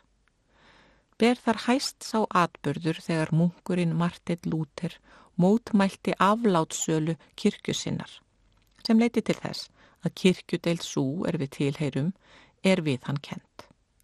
Það var árið 1517 og fór samileg bænastund katholskra og lúterskra fram í Dómkirkjun í Lundi á siðbótardaginn 31. oktober 2016 sem upptakt að viðburðum vegna 500 ára afmælis siðbótarinnar. Í Lundi var lúterska heims sambandið stopnað árið 1947 og er Íslenska þjóðkirkjan ein af stopnendum sambandsins sem telur núna 145 kirkjur í 98 löndum. Á vegferð lútersku kirkjunar hafa ímsar ákvarðanir verið teknar sem leitt hafa hana áfram á veginum. Hér á landi hafa kirkjuskipan Kristjáns III. Danakonungs sem lögtekinn var árið 1541 mikil áhrif. Þá hófst þáttaka verallega valdsins á stjórn kirkjunar en það fyrir komulag var við líði í mismunandi myndum þó til ársins 1997 er þjóðkirkjan tók við stjórn innri mála sinna. Gert var samkomulag millir Íslenska ríkisins og þjóðkirkjunar um kirkjujarðir og launagreislu presta og starfsmanna þjóðkirkjunar dagsett 10. janúar 1997. Í framhaldi af því voru samþygt á alþengi lög um stöðu, stjórn og starfstætti þjóðkirkjunar nr. 78 1997. Með þessari breytingu var kirkjuþingi falið að ákveða skipan innri mála þjóðkirkjunar sem áður hafði verið í höndum alþengis. Árið 2019 var gerður viðbótarsamningur við ríkið og í kjölfarið sett ný þjóðkirkjulög nr. 77 2021. Með því samkomlagi fekk þjóðkirkjan enn meira sjálfstæði gagvart ríkinu sem leggur þjóðkirkjunni þær skildur á herðar að halda úti viðri þjónustu á landinu öllu og tryggja að allir landsmenn geti átt kosta á henni. Þessi nýju lög breyttu stöðu presta sem eru ekki lengur ofinberi starfsmenn, heldur starfsmenn þjóðkirkjunar og hafa nú í fyrsta sinn samið um kaup og kjör við nýstopnaða kjaranemd þjóðkirkjunar Þjóðkirkjan og prestar landsins eru því ekki lengur bundin af starfsmannalögum ríkisins og stjórnsýslulögum ríkisins. Önnur mikilvæg breyting er að nú hefur kirkjuþing fjárstjórnarvaldið í kirkjunni sem kirkjuráð hafði áður. Í kjölfar þessara breytinga hefur biskupstofu verið skipt upp í tvær stofur. Annars vegar biskupstofu sem annast mannauðsmál, skjálavörslu, fræðslu og kærlegstjónustu. Hins vegar rekstrarskrifstofu sem sér um fjármál og fastegnir. Kirkjuráð sem sett var á fót 1931 var lagt niður um áramótin 2021 og 2022. Í kirkjuráði voru fjórir kjörnir fulltrúar frá kirkjuþingi, tveir prestar og tveir leikmenn. Forseti ráðsins var biskup Íslands. Kirkjuráð var framkvæmda nefnd sem tók við samþygtum málum frá kirkjuþingi og kom þeim í farveg. Einnig bar kirkjuráð ábyrð á fjármálum og fastegnum þjóðkirkjunar. Nú hefur biskup og embætti hans enga aðkomu að þessu málum. Kirkjuþing skipaði framkvæmda nefnd sem tók til starfa á sama tíma og kirkjuráð var niður lagt. Í nefndinni eru tveir fulltrúa leikmanna og einn prestur kjörnir af kirkjuþingi. Hlutverk nefndarinnar er að hafa eftirlit með fjármálum og fastegnamálum þjóðkirkjunar. Þessi breyting að setja biskupsembættið nánast út í horn gerir biskupi Íslands erfitt fyrir að hafa alla yfir sín eins og var meðan hann var í kirkjuráðinu. Kirkjuráðið var tengiliður millir kirkjuþings og biskupsembættisins þar sem fulltrúar begja sátu. Ég tel að nokkur tími muni líða þar til jafnvægi hefur náðust vegna þessara breytinga. Milli hins veraldlega og hins andlega eins og sumir hafa viljað ná fram með þessum breytingum. Ég tel að aldrei sé hægt að gera svo skörp skil á milli þessara tvekja sviða. Allt sem síslaði er við á biskupstofu og rekstrastofu er unni til þess að gera það mögulegt að þjóðkirkjan sé byggjandi, bóðandi og þjónandi kirkja. Þjóðkirkjan Skilgreina má þjóðkirkjuna á nokkra vegu. Hún er félagskapur þeirra sem hjáta trú á Jésu Krist, krossfestan og upprísin. Hún er stopnun sem lítur lögum og reglum sem sett hafa verið á alþingi og á kirkjuþingi. Hún er evangelísk lútersk og tekur mið af þeim hugsunum og kenningum sem Marteit Lúter setti fram fyrir rúmum 500 árum. Hún er stopn aðili lúterska heims sambandsins 1947, Alkirkjuráðsins 1948. Þjóðkirkjan er einnig í samtökum evangelískra kirkna í Evrópu, í kirknaráði Evrópu og aðili að porfu kirknasambandinu, eins og áður segir. Hlutverk hennar er að bóða trú á Jésu Krist og vera leiðandi kirkja í samstarfi kristina trúfélaga hér á landi og á samráðsvettfangi trúarbræðana hérlendis. Stjórnarskráin Þjóðkirkju hugtakið er fyrst nefnt í stjórnarskráni sem staðfest var hér á landi árið 1874. Ákvæði stjórnarskrárinnar um vernd og stuðning ríkisvaldsins við þjóðkirkjuna er grundvöllur sambands ríkis og kirkju. Það ákvæði er enni gildi eins og kunnugt er og samkvæmt þjóðar atkvæða greiðslunni 2012 vill meiri hluti þjóðarinnar að svo verði áfram. Hlýtur það að benda til þess að þjóðin vilji ennum sinn láta kristin gildi og kristna lífsskoðun ráða för í mótun samfélagsins. Á meðan núverandi stjórnarskrá gildir hlítur sá skilningur að ríkja að það sé vilja yfirlýsing ríkisins að það vilji standa á kristnum grunni. Viðurkenni að þjóðmenningin byggist á kristnum verðmættum og vilji styðja kirkjuna til áhrifa á fólkið í landinu hvað var þar hugsunarhátt, samskipti og framkomu. Hvað er þjóðkirkja? En hvað merkir það að hinn lúterska kirkja okkar sé þjóðkirkja? Það merkir ekki eitthvað eitt.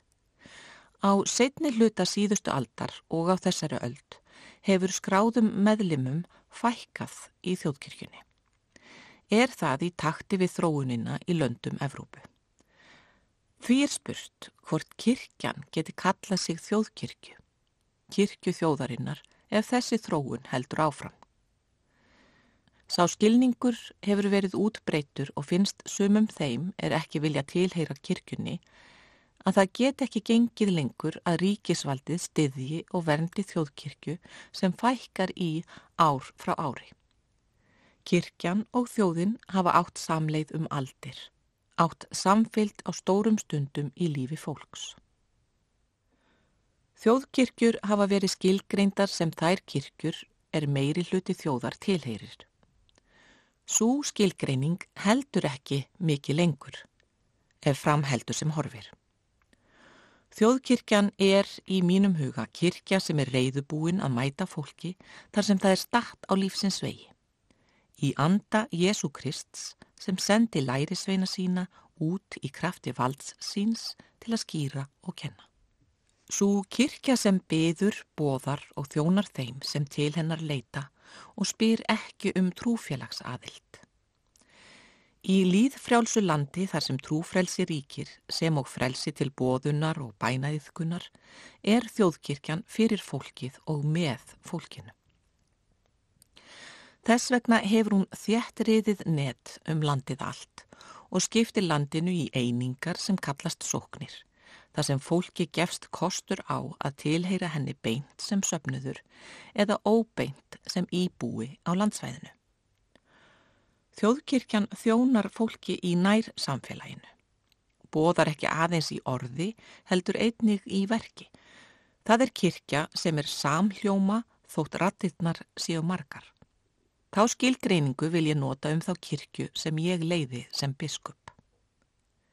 Hitt er annað mál hvort þjóðkirkjan eigi að fara að hugsa eins og normen, að taka gjald af þeim sem ekki tilheyra trúfélaginu þegar óskar eftir þjónustu. Því kostnaður við aðtapnir í sóknarkirkjunum fellur á sóknina sem hefur starfsfólk á sínum vegum sem annast þjónustu í kirkjunni. Þar á ég við til dæmis organistana og kirkjuverðina. Sóknargjöldin greiðir fólkið sem tilheyrir þjóðkirkjunni og þau hafa komið kirkjunni upp og annast viðhald hennar. Þjóðkirkjan sem slík á ekki kirkjuhúsin og getur því ekki selt þau eins og stundum kemur til tals í ofinberi umræðu. Sjálfsmynd Sjálfsmynd kirkjunar ætti að vera sterk og hún ætti að kvíla örug í þeirri vissu að hún er ekki til af sjálfri sér. Og haldi menn að þjóðkirkjan á Íslandi eða kristnar kirkjur heimsins degi, þá mun það ekki gerast nema að drottin sjálfur vilji að svo verði. Það er ekki höndum misvitura manna heimsins að ákveða það. Sjálfsmynd þjóðkirkjunar hefur beðið nekki undan farin ár og eru nokkrar ástæður fyrir því. Kirkjunar þjónar hafa brugðist væntingum fólks, bæði sem leiðtógar og manneskjur. Umræðan um þjóðkirkjuna hefur oft verið byggð á veikum grunni þekkingar og ekki hefur verið kafað djúft í öflun upplýsinga. Umræðan hefur því oft verið óvægin. Þegar barið er á einstaklingi, andlega eða líkamlega, er líklegra en ekki að sjálfsmyndin brotni og einstaklingurinn farað efast um eigið ágæti. Hið sama á við um kirkuna. Þjónar hennar og þau sem henni unna hafa tekið nærri sér ímislegt sem upp hefur komið og um hefur verið rætt. Það vitum við líka sem búið höfum í landslutum þar sem fólki fækkar að það fylgir því vist sorgarferli þegar nágrannarnir flytjast á brott og fólki fækkar í byggðunum. Hið sama á við í þjóðkirkjunni. Fækkun meðlima þjóðkirkjunar reynist mörgum erfið. Að mínum dómi hefur sjálfsmynd kirkjunar styrkst undanfærin ár. Það góða starf sem unnið er í söpnuðum landsins á samt aukinni mentun og samstarfi presta og annars starfsfólks hefur gefið meiri kraft og gleði sem skila sér í faglegri þjónustu og sterkari sjálfsmynd. Háskóla mentað fólk Prestar þjóðkirkjunar eru háskólamentað fólk sem býr og starfar um allt land. Mikill mannauður kemur saman í þeim góða hópi sem leggur sig fram um að miðla þeim góða bóðskap sem er í fagnaðar erindi Jésu Krists. Það hefur reynd mjög á alla presta og annað starfsfólk kirkjunar í heimsfaraldrinum. Því að þótt ekki hafi reynst und að halda uppi helgjahaldi eins og vera ber, voru fundna nýjar leiðir, til dæmis með því að streyma stundum á veraldarvefnum, fyrir það ber að taka. Einar svo stjætt innan kirkjunar sem ekki hefur fengið nógu tröstan grundvöll í skipulagi þjóðkirkjunar. Það eru djáknarnir, en þau eru líka háskólamenta fólk sem oftar en ekki hefur aðra mentun og reynslu, til dæmis við hjúgrun eða kennslu. Það er nöðsynlegt að finna djáknunum stað í heildarskipulagi þjóðkirkjunar því að djáknar eru mikilvægir í kærleikstjónustu kirkjunar. Auk þess starfar í kirkjum landsins fleira fólk sem mentað er í tónlist eða öðrum listgreinum eða fögum. Það er því mikill mannauður í kirkjunni og honum fær fólk að kynnast þegar það sækir kirkju eða þjónustu hennar. Oft hef ég orðið vörfið að fólk gerir sér ekki almennt grein fyrir því sem kirkjunar fólk leggur af mörgum til að bæta mannlífið. Þá fyrst er eitthvað bjátar á, leitar fólk til kirkjunar og oft er það svo að undrunin er mikil þegar allt er til staðar og allir til þjónustu reyðbúnir. Ferlið er skipulagt og sammina þeirra sem aðkoma er samkvæmt settum reglum. Þeim sem elska kirkuna finnst oft að við sem stýrumenni komum ekki nægila vel til skila öllu því góða starfi sem unnið er í kirkuni. Það er bæði rétt og ránt.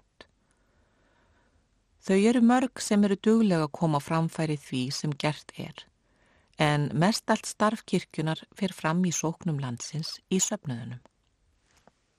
Kirkjan og ríkið Það er upp af lagavorra að allir menn skulu kristnir vera á landi hér og trú á einn Guð, föður, són og helgan anda, segir Íslendingabók.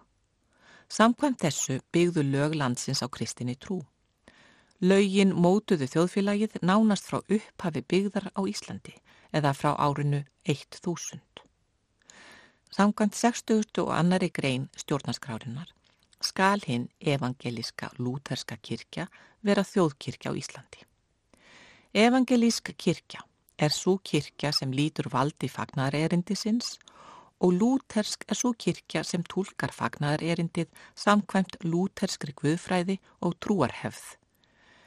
En hjáttningaritin 5, postulega trúarhjáttningin, Níkeu hjáttningin, Athanasíusar hjáttningin, Ágsborgar hjáttningin og fræði Lúthers hinn minni eru bindandi um kenningu hennar. Sér lög gilda, sér gilda um þjóðkirkjuna eins og fram Sér lög gilda um þjóðkirkjuna eins og fram hefur komið hér að framann en önnur lög um önnur trú og lífskoðunarfélög. Löggafinn vil því hafa eitthvað meira að segja um skipan þeirrar kirkju sem ríkisvaldinu ber að styðja og vernda samkvæmt stjórnarskráni. Samband ríkis og kirkju byggist á 60. og annari grein stjórnarskrár landsins. Ákvæði þessarar stjórnarskrárgreinar á rætur að rekja til þriðju greinar dönsku grundvallar lagana frá 1849. Liti var svo á að evangelíska lúterska kirkjan væri aðgreinanleg frá ríkisvaldinu og þar með sjálfstæðari gagvar því en ríkiskirkja fyrri alda hafði verið. Samband þjóðar og kirkju byggist á samfyllt kirkjunar og þjóðarinnar þar sem snertifleitirnir eru oftar en ekki aðtapnir kirkjunar, skýrn, ferming, hjónavíksla og útför sem og önnur þjónusta kirkjunar við fólkið í landinu, einstaklinga og samfélag. Kirkjan og þjóðin hafa átt samleið í meir en 1000 ár og lúterska kirkjan og þjóðin frá árinu 1550. Þetta er samhengið sem menn verðað gæta að þegar fjallað er um stöðu kirkjunar í samfélaginu. Samband þjóðar og kirkju Þjóð og kirkja hafa átt samleið í þúsund ár og rúmlega það. Þjóðkirkjan hefur haft kjörorðin byðjandi, bóðandi, þjónandi. Það felur í sér að af kirkjunar hálfu er engin greinarmunur gerður varðandi hverjum er beðið fyrir og þjónað. Þjóðkirkjan þjónar þeim sem til hennar leita óháð trúfélagsaðild. Hún hefur líka frelsi til að bóða og við þeim bóðskap taka þau sem vilja. Bóðskapnum er ekki þvingað upp á neitt sem ekki vil heyran eða meðtaka. Þannig sínir kirkjan þjóðinni að henn er ekki sama um þau sem hér búa. Hún ber virðingu fyrir lífskoðunum fólks og fagnar því þegar hún finnur að almenningur treystir henni fyrir samleið á stórum stundum lífsins. Það er meira virði í því að eiga samleið með þjóðinni en að vera í sérstökum tengslum við ríkisvaldið. Hið síðarnemda er lagatæknilegt atriði en hið fyrirnemda snertir mennskuna og það hver við erum sem einstaklingar og þjóð. Sjálfstæð kirkja Í nýjum þjóðkirkjulögum sem samþygt voru á alþingi 13. júni 2021 er gengið enn lengra í þá átt að auka sjálfstæði þjóðkirkjunar þótt lögin frá 1997 hafi einmitt verið sett til að fela kirkjunni öll sín innri mál án íhlutunar lögjafans.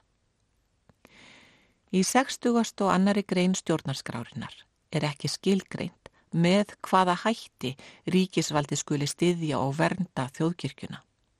Heldur er það eftirlátið lögjafarvaldinu að ákvarða um það. Lítam á svo á að setning laga um þjóðkirkjuna sé hluti þess stöðnings en það skýra þau stöðu kirkjunar gagvart ríkisvaldinu og setja ramma um starfsemi hennar. Aðskilnaður ríkis og kirkju Ljóst er að frá upphafi þjóðkirkja á Íslandi, það er frá samþygt stjórnarskrárinar árið 1874, hefur verið litið svo á að þjóðkirkjan sé ekki ríkiskirkja heldur þjóðkirkja, aðgreind frá ríkisvaldinu. Skref hafa verið stígin í þá átt að gera þjóðkirkuna sjálfstæðari um sín innri mál og er viðbútar samningur um endurskoðun á samkómalegi því sem Íslenska ríkið og þjóðkirkjan gerði með sér um kirkjujarðir og launagreisli presta og starfsmanna þjóðkirkjunar þann 10. janúar 1997 frekara skref í þá átt. Var hann samþyktur á kirkjuþingi í september 2019. Slíkur samningur hefur þó ekki með samband ríkis og kirkja að gera því að nær til fjárhagslegra samskipta ríkis og kirkju en samband þeirra byggist á stjórnarskranni. Minna má þó á að endurskoðunar ákvæði er á þessum samningi eins og samkomiðlæginu og kirkjunar fólk verður að vinna ötulega að því næstu árin að ákveða hvert skal stefna að 15 árum liðnum. Það er ekki rétt sem haldið hefur verið á lofti að aðskilnaður hafi ekki átt sér stað millir ríkis og kirkju. Sú umræða hefur staðið í rúma eina öld og mikilvægum áfengum verið náð á vegferðinni með lagasetningu um kirkjuna 1997 og 2021. Fækkun skýrna Skýrnum fækkar í löndum hins vestræna heims. Það á einnig við hér á landi. Það hefur áhrif á kirkju og samfélag til lengri tíma litið. Sé barn skýrt, ber foreldrum og forráðamönnum að ala barnið upp í kristinni trú og lífsviðhorfum. Fækkun skýrna hefur því ekki aðeins áhrif á fjölda þeirra sem þjóðkirkjunni tilheyra, heldur einnig á siðferðilegi viðmið samfélagsins og hugmyndir þegnanna um samfélagslegan grunn og viðhorf. Á tímum örra samfélagsbreytinga og aukinar velmegunar er auðvelt að missa sjónar á því sem augað ekki sér. Samt er það svo að nútímamadurinn þráir andlega vít í lífsitt. Þess eru merki víða og tilbóð mörg um leitina inn á við. Kirkjurnar í hennum vestræna heimi standa enn föstum fótum á grundvelli fagnarerindisins sem þeim er ætlað að flytja en eru að leita og læra að fóta sig í breytum heimi. Breytingarnar eru fjölþættar svo sem vegna veraldarvæðingar, fjölmenningar og þeirrar stafrænu tækni sem eigur möguleika til samtals og samstarfs og gegn særri ákvarðanatöku. Hinnar lútersku kirkjur kvíla einnig á þeim grunni sem Marteit Lúter byggði með siðbót sinni sem í raun er sístæð. Hún verður alltaf að vera á verði gagvart því að standa först á því erindi sem henn er ætlað að bóða. Verkefni hennar er einnig að takast á við fækkun meðlima hennar og fækkun þeirra sem skýrast.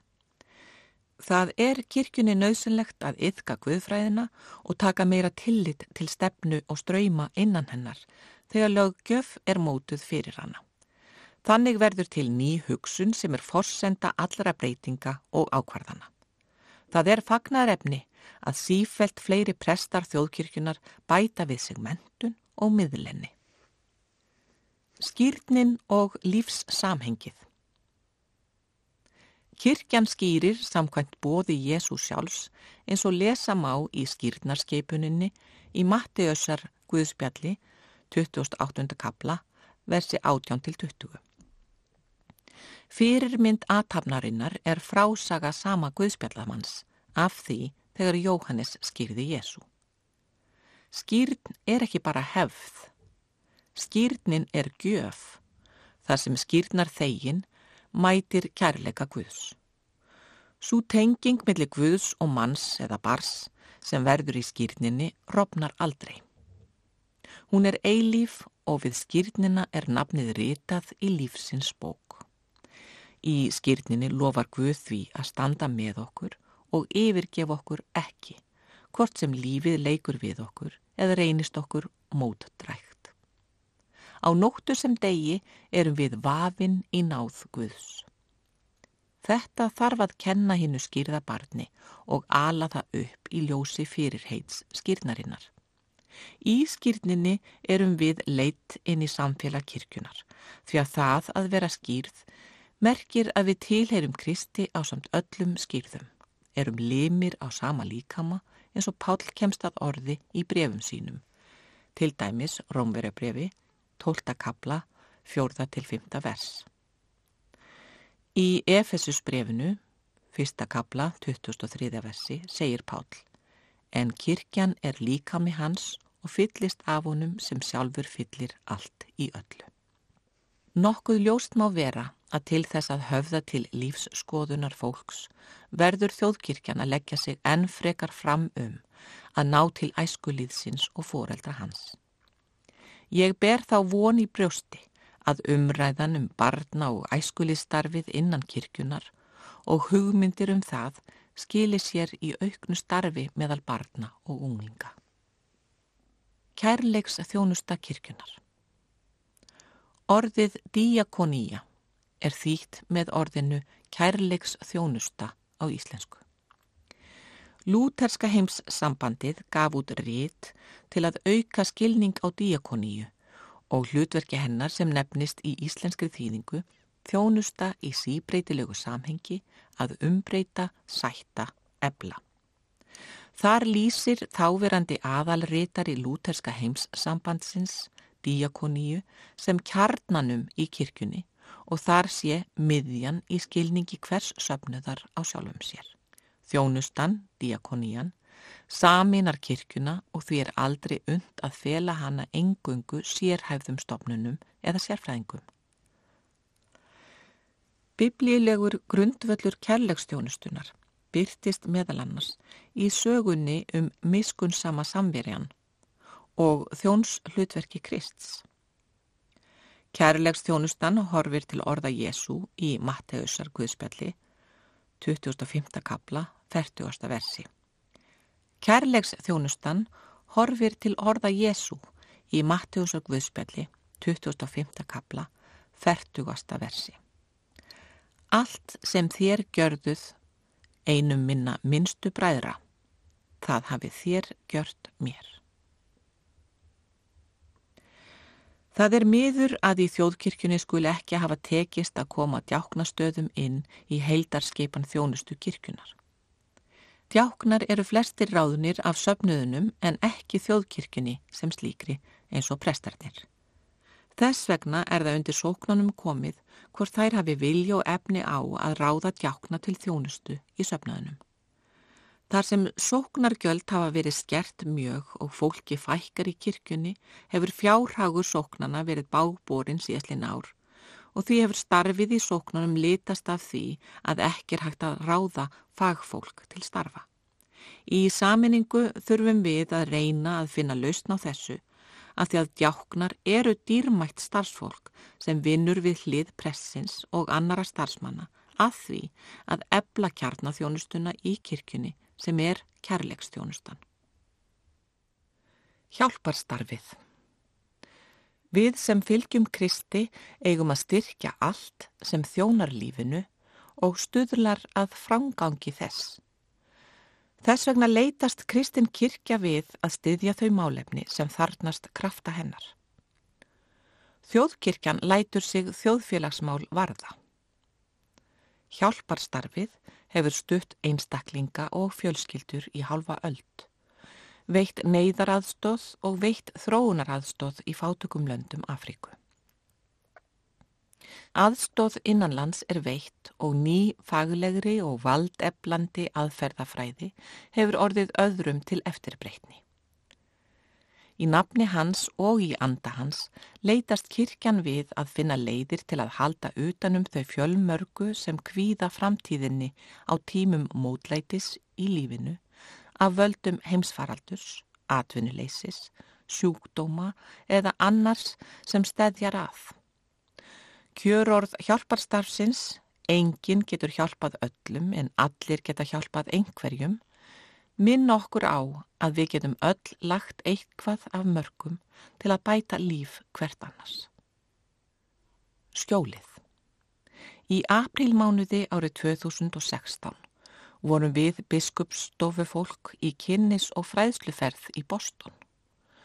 Við heimsóttum meðal annars University Lutheran Church þar sem prestur og starfsmæður safnaðarins kynntu fyrir okkur starf safnaðarins á meðal stúdenta og kennara á háskólasvæðinu og starfsemi gistiskílis sem söpnuðurinn rekur. Þessi kynning reyfði við tilfinningum mínum og þrá eftir því að kirkjan mín geti komið að því að létta bróður böl og bæta raunir hans eins og Sigurbjörn Einarsson biskup orðar svo fallega í salmi sínum þú drottin átt það allt. Rúmum tveimur árum síðar komst skriður á málið og varð niðurstaðan svo að dagsetur sem hlotið hefur heitið skjólið yrði fyrir konur og hjálparstarf kirkjunar vettvangur verkefnisins og starfið unnið undir merkjum þess. Skjólið er opið hús fyrir konur sem glýma við heimilisleysi búa við óörugar aðstæður eða eru nýkomnar í búsettu úrræði eftir heimilisleysi.